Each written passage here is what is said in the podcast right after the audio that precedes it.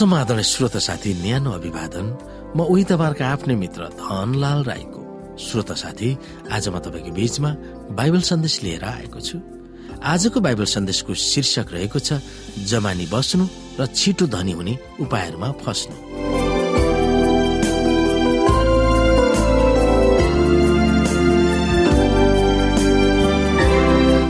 श्रोत साथी अरूहरूलाई ऋणमा फसाउन यहाँका जनहरू जमानी नबसोस् भनेर परमेश्वरले बाइबलमा धेरै स्पष्ट सन्देश दिनुभएको छ।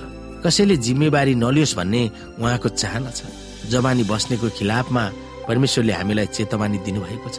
यो हितोपदेशको पुस्तकमा लेखिएको छ। हामी विभिन्न पदहरू हेर्न सक्छौँ।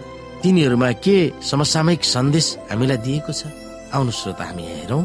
हे मेरो छोरो यदि तिमी आफ्नो छिमेकीको जमानी बसेको छौ वा कसैसँग करार बाँधेका छौ भने यदि आफ्नो प्रतिज्ञाको वचनले तिमी फस्यौ र आफ्नै मुखको वचनले पासोमा पर्यो भने तब हे मेरो छोरो आफूलाई जगाउन मैले भने जस्तो गर। किनकि तिमी आफ्नो छिमेकीको पन्जामा परेका छौ।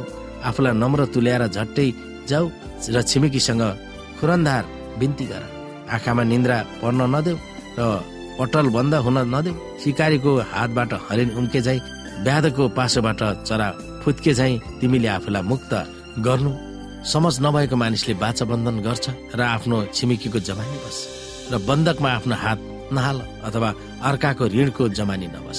आफ्नो हैसियत नभएको र प्रशस्त आय स्रोत नभएको मानिसले ऋण लिएर क्रियाकलाप गर्न कुनै व्यक्ति वा वित्तीय संस्थाबाट ऋण लिन कसैको जमानी खोज्छ। ऋण दिने मानिसलाई यो थाहा हुन्छ कि ऋण लिने मानिसको ऋण लिन खास हैसियत छैन।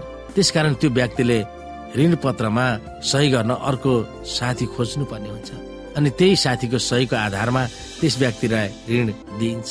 यदि समयमा ऋण तिर्न सकेन भने जमानी बसेको साथीको पछि ऋण दिने वा ब्याङ्क पछि लाग्दछ।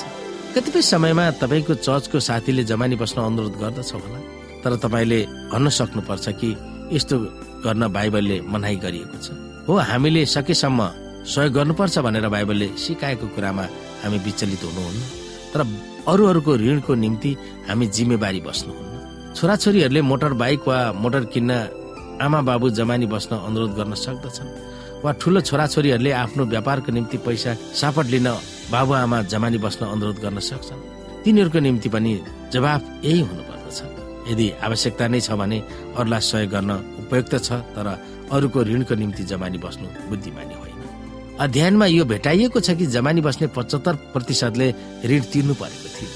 हामी विभिन्न पदहरूलाई हेर्न सक्छौँ र विभिन्न पदहरूले हामीलाई चेतावनी दिएको छ।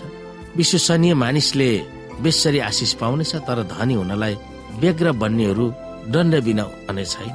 तर धनी हुने इच्छा गर्नेहरू परीक्षामा पर्छन् पासोमा फस्छन् र धेरै अर्थहीन र दुःखदायी इच्छाहरूमा डुब्छन् जसले मानिसहरूलाई बर्बादी र सर्वनाशमा डुबाउँछन्। किनभने रुपियाँ पैसाको मोह नै सबै किसिमका खराबीको जड हो।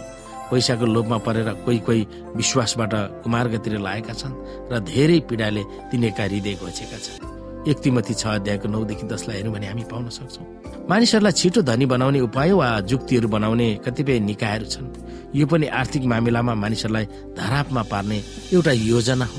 जो मानिसहरू त्यस धरापमा पर्छन् जो मानिसहरू त्यस धरापमा पर्छन् तिनीहरूको आर्थिक अवस्था खस्किने निश्चय नै छ। सुरुमा त्यस्तो उपायहरूमा पैसा लगानी गर्नु असल र मोह लाग्दो त देखिन्छ। तर समय बितेर जाँदा धेरै मानिसहरू भावनात्मक र आर्थिक अवस्थामा नोक्सानीमा परेको पाइएको छ। अझ कतिपय समयमा यस दुःखदायी मानिसलाई फसाउने मामिलामा त्यस योजनामा आफू संलग्न हुन पैसा सापट लिनुपर्ने देखिएको हुन्छ। यसले गर्दा कतिपय समयमा ठगहरू धनी भएका हुन्छन्। तर अरूहरू आर्थिक अवस्थामा बिग्रिन गएको पाइएको छ। जब कुनै आफन्त वा साथीभाइले त्यस्तो छिटो धनी हुने योजना तपाईँलाई फसाउन चाहन्छ तब त्यसबाट हिँड्ने होइन। तर छिटो छिटो हामी भाग्नु पर्दछ। यी कुराहरूमा हामी विचार गर्न सक्दछौँ।